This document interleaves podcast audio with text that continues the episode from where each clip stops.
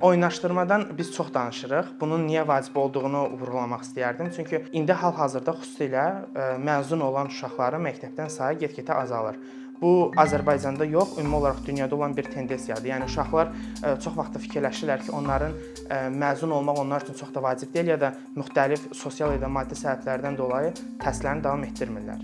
Təhsil sahəsində olan araşdırmaçılar bəzi yollar tapmağa çalışırlar ki, bunun qarşısını alsınlar. Oyunlaşdırma da əslində bu metodlardan biridir.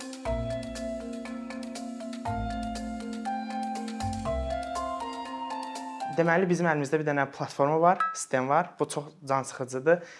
Biz istəyirik ki, bəzi oyun elementləri istifadə eləyək və bunu daha da maraqlı, interaktiv hala gətirək.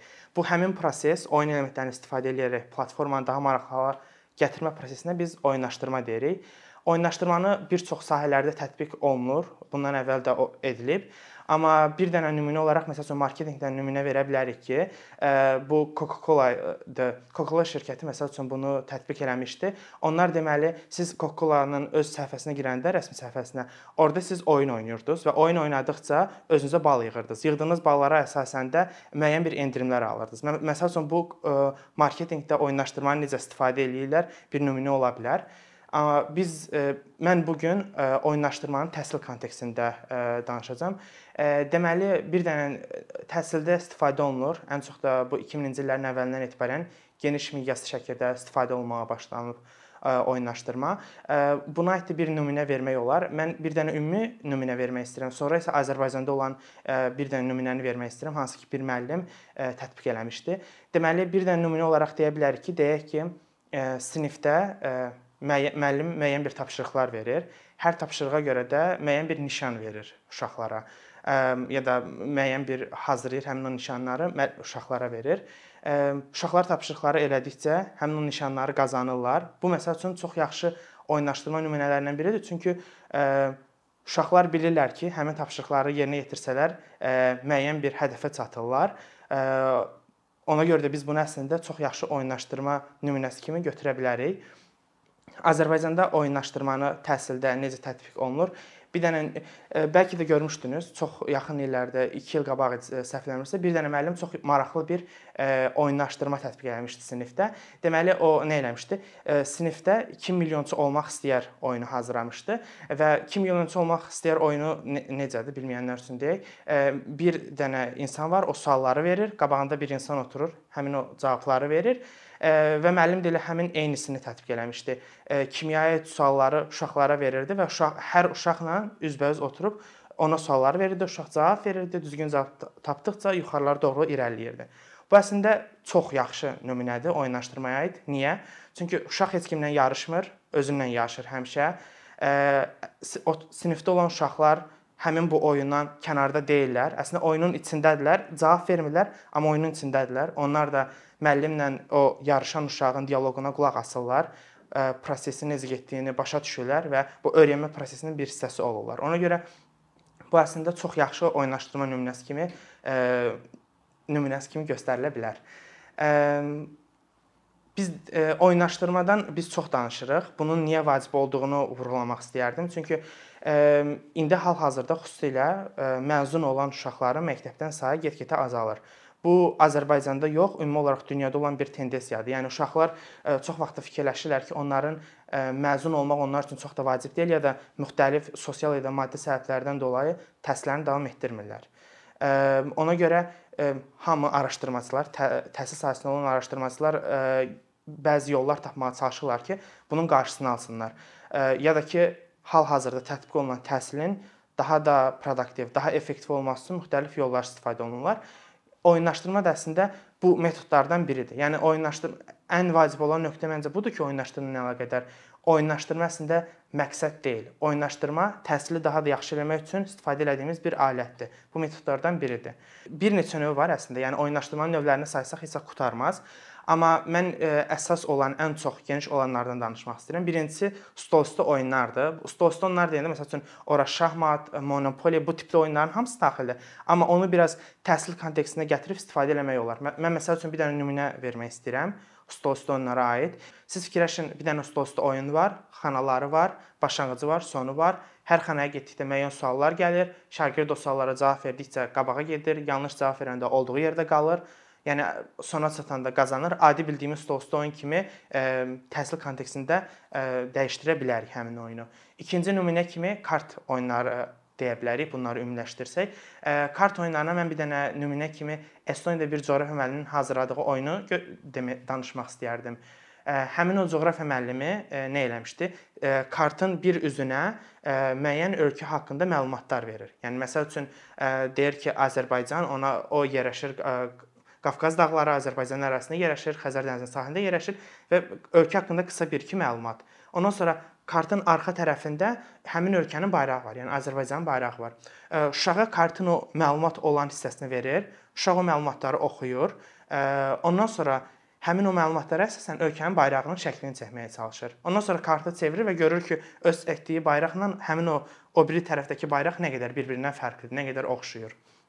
Bu məsəl üçün çox yaxşı nümunələrdən biridir. Üçüncü, əslində bu metod təkcə təhsildə yox, müxtəlif məsəl üçün sosial problemlərin həll olunmasında istifadə olunur. Bunun ingiliscə adı role playing-dir. Azərbaycanla tərcümə etsək, rol oynama ya da ki, teatr ya da deyə bilərik çox ümumi kimi. Rol oynama nədir? Deməli, müəllim deyək ki, bir dənə tarix müəllimi var. O tarix müəllimi dərs keçmək istəyir və orada orada danışmaq istəyir ki, həmin müddətdə, həmin dövrdə ə, həmin dövrün liderləri necə hərəkət eləyərdi, hədəflərə necə çatırlar.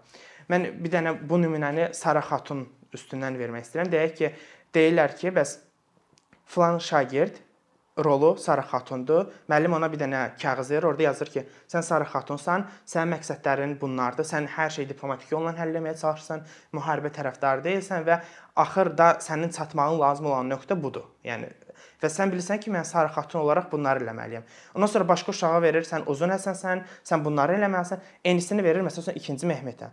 Və başlayırlar məsəl üçün uşaqlar oyun oynamağa. Ondan sonra deyir ki, indi Sara xatun indi rolu orada görür ki, uşaq oxuyur, deyir, "A, Sara xatun ikinci Mehmetin yanına getməli, diplomatik əlaqə qurmalı, çünki qorxur ki, ikinci Mehmet gələr onları işğal eləyər. Onda məsəl üçün uşaq gedir 2-ci Mehmetə, onunla diplomatik e, söhbətlər eləyir, çalışır ki, hər şey yaxşı olsun. Yəni bu adi məsəl üçün rol oynama idi. Bəlkə də bu dərs e, müəllimin 2 həftədə, bəlkə də 3 həftədə qutara biləcəyi bir böyük bir tarix mövzusudur, amma 2-3 saatlıq e, rol oynama, oyunlaşdırma metodundan çox asanlıqla müəllim bunu öyrədə bilər.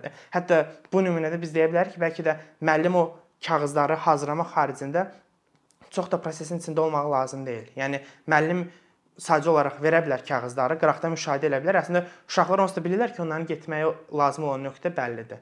Yəni ümumi olaraq ən böyük ən çox tətbiq olunan bu üç metoddur, amma təbii ki də bunun müxtəlif növləri var oyunlaşdırmanın biz əslində çox danışırıq oyunlaşdırmadan. Kim kimlə kimsə oyunlaşdırmadan danışanda ya da müəllimlər, metodistlər çox xoşlarına gəlir. Çünki bu yenidir, innovativdir, hamı tətbiq eləmək istəyir, amma əslində bu çox təhlükəli yanaşmadır. Çünki e, bir çox nümunəsi var ki, həmin o metodistlər, öyrədicilər deyək, e, onlar oyunlaşdırmanı istifadə edirlər, amma bu uğursuzluqla nəticələnir.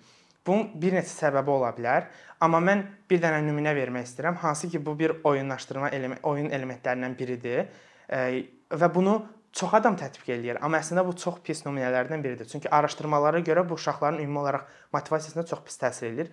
Mən nədən danışıram? Bu leaderboarddur ya da liderlər lövhəsi deyə bilərik. Deməli, deyək ki, sinifdə müəllim deyir ki, hər uşaq bal qazandıqca mən onlara müəyyən bir xal verirəm. Məsəl üçün, sən 5 xal qazandın, sən 10 xal və uşaqları orada xallarına görə yuxarıdan aşağı sıralayır müəllim. Bu əslində pis nümunədir. Niyə pis nümunədir? Çünki ən yuxarıda olan deyək ki, 3 uşaq bir-birindən həmişə yarışır. Onlar həmişə ən yaxşısını eləməyə çalışırlar. Həmişə yuxarıya doğru, zirvəyə doğru gedirlər. İndi bunun tam tərsini fikirləşin. Sonda olan 3 uşaq, onlar üçün maraqlı deyil artıq bu oyun. Çünki da axırdadılar. Bilirlər ki, yuxarıya çıxmaq o qədər asan deyil. Yəni ona görə burada ə, bu adi bir bu liderlər lövhəsini tətbiq eləsək, çox diqqətli olmaq lazımdır ki, belə bir problem yaranmasın. Çünki bu nümunədə gördüyünüz kimi ən yaxşı ilə ən pis arasında olan öyrənmə fərqi inanılmaz dərəcədə artır.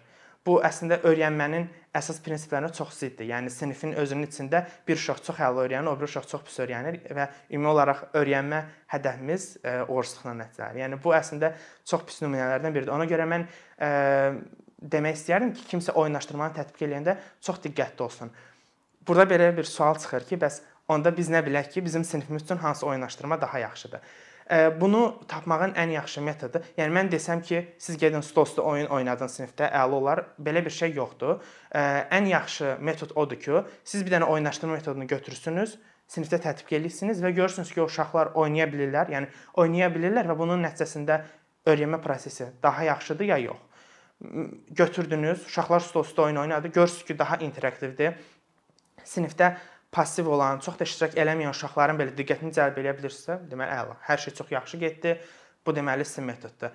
Ya da ki bu da yaxşı getdi, amma siz yenə məsəl üçün rol oynamayı yoxlamaq istəyirsiniz, onu da eləyə bilərsiniz. Yəni mənim ümumi olaraq burada demək istədiyim məsələ ondan ibarətdir ki, siz bir metodu götürün, oyunlaşdırma e, oyunlaşdırma tipini, növünü və onu tətbiq eləyin və nəticəsini görün ki, bu necə nəticələnir. Əgər yaxşıdsa, deməli əslində bu sizin üçün ən uyğun növlərdən biridir.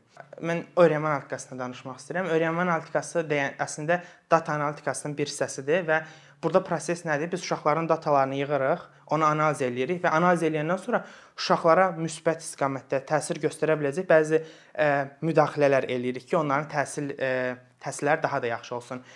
Buna aid mən bir dənə nümunə demək istəyirəm. Deməli Mississippi-də bir dənə məktəbdə görürlər ki, orada uşaqların məzun olmaq faizi çox aşağıdır və orada nə eləyirlər?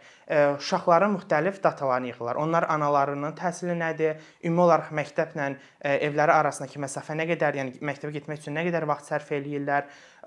Məsələn, ingilis dilindən nə qədər qiymət alıblar, ya da ki, adi onlar günorta yeməyində yeməyin qiymətini olduğu kimi verirlər, yoxsa endirimlə verirlər. Bütün bu dataları yığırlar və orada e, analiz eləyəndə tapmağa çalışırlar ki, uşaqların e, buna data analitikasında reqressiya qurmaq deyilir. Yəni reqressiya qururlar və bax baxmağa çalışırlar ki, uşaqların riyaziyyat nəticələrinə çünki məzun olmaq üçün məzun ola bilməklərinin ən böyük səbəbi riyaziyyatdır. Çünki riyaziyyatdan daha aşağı bal yığırlar və tapmağa çalışırlar ki, bəs bu riyaziyyat ballarının aşağı olmasının səbəbi nələrdir? Əslində çox maraqlıdır. Onlar tapırlar ki, aşağı olmasının səbəbi onların məktəbdən e, evə getmək üçün istifadə etdikləri yolun çox uzun olmağıymış. Yəni o qədər yolda vaxt sərf edirlər ki, onlar fiziki olaraq yorulurlar.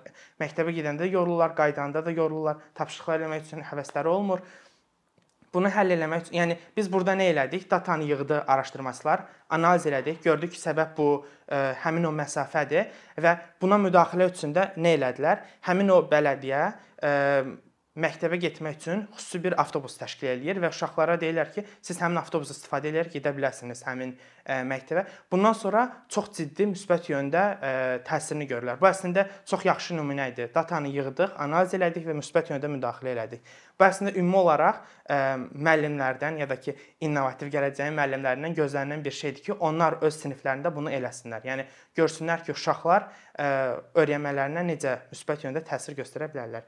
Mən indi e, bir dənə nümunə göstərmək istəyirəm, hansı ki, bunu adi bir müəllim oyunlaşdırma ilə e, öyrənmə analitikasını inteqrasiya edə bilər və öz uşaqlarının e, təhsilinə müsbət yanda istiqamət göstərə bilər. Deyək ki, mən bir biologiya müəllimiyəm. Rüblüyün axırıdır. Stol-üstü oyun düzəltmişəm. Hər xanada bir mövzuya aid sual verirəm. Deyək ki, birinci mövzuya aid sual sürünənlərə aiddir.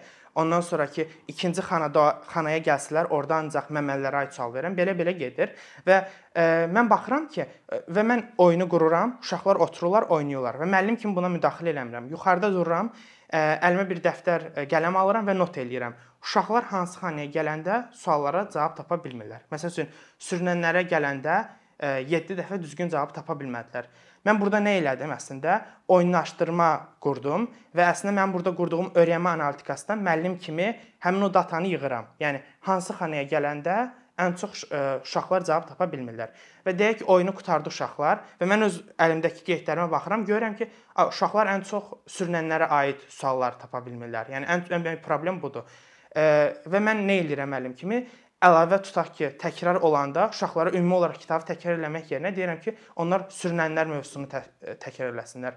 Və belə olanda əslində uşaqların problemli olan mövzularını tapıb onlara daha çox dəstək eləmiş oluram. Yəni bu da əslində çox yaxşı bir öyrənmə ə, e, analitikası nümunəsi ola bilər. Çünki yenə mən nə elədim? Oyunlaşdırma yolu ilə datamı yığdım. Onu analiz elədim, tapdım ki, hansı xanada ən çox problem var və müsbət yöndə təsir göstərmək üçün uşaqlara dedim ki, uşaqlara əlavə dərs saldım ya da ki, təkrarda o sürünənlərdən danışdım. Bu əslində e, çox yaxşı nümunə idi ki, oyunlaşdırma ilə öyrənmə analitikasını inteqrasiya eləyir.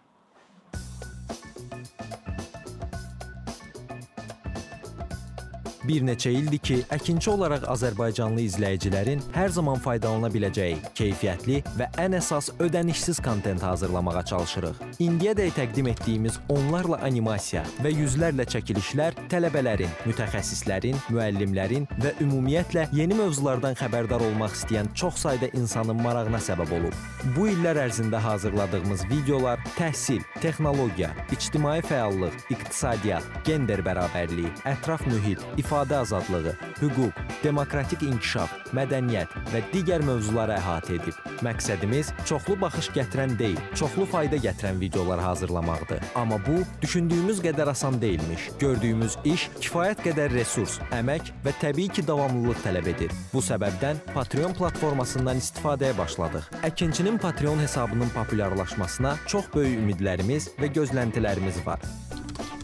Bəziləriniz Patreon haqqında ilk dəfə eşidirsiniz. Əslində çox sadə izahı olan bir platformadır. Təsəvvür edin ki, siz rəssam və ya musiqiçisiniz. Sosial şəbəkələrdə sizi izləyən, işinizi bəyənən çox sayda insan var. Patreon platforması sizə imkan verir ki, izləyicilərinizin könüllü aylıq ödənişləri sayəsində işinizi davam etdirəsiniz. Sərgi, konsert zallarından asılı qalmayasınız. Amma bu təkcə rəssam və musiqiçilərə aid deyil. Məsələn, əkinçiyə bənzər fəaliyyətlə məşğul olan bəzi layihələrin 10 minlərlə patronu var. Biz də düşündük ki, nə üçün əkinçinin Patreon hesabı olmasın? Sizin dəstəyiniz sayəsində biz daha çox və daha keyfiyyətli kontent yaratmağa davam edə biləcəyik. Amma bu dəstək yalnız maddi dəstək deyil. Dəstəkçilərimizin sayının artması gördüyümüz işlərin faydalı olduğuna dair əminlik verir. Patreon platformasından istifadə çox sadədir. Hesabınızı açırsınız, sizə uyğun dəstək növünü seçirsiniz və Patreon özü hər ayın ilk günü kartınızdan seçdiyiniz dəstək növünə uyğun ödəniş tutur. Bu qədər. Sonda onu demək istəyirik ki, dəstəkçilərin sırasına qoşulmaq istəyən, amma məhdud imkana görə bunu edə bilməyənlər narahat olmasın. Daha öncə dediyimiz kimi, bizim əsas məqsədimiz daha çox insanın hər zaman faydalana biləcəyi keyfiyyətli və ödənişsiz kontentin yaradılmasıdır. Bunun üçün mütləq patronumuz olmalısınız deyə məcburiyyət yoxdur. Amma imkanınız patron olmağa çatırsa və bizim işimizi bəyənirsinizsə, patronlarımızın sırasına qoşulmağınız bizim üçün çox önəmlidir.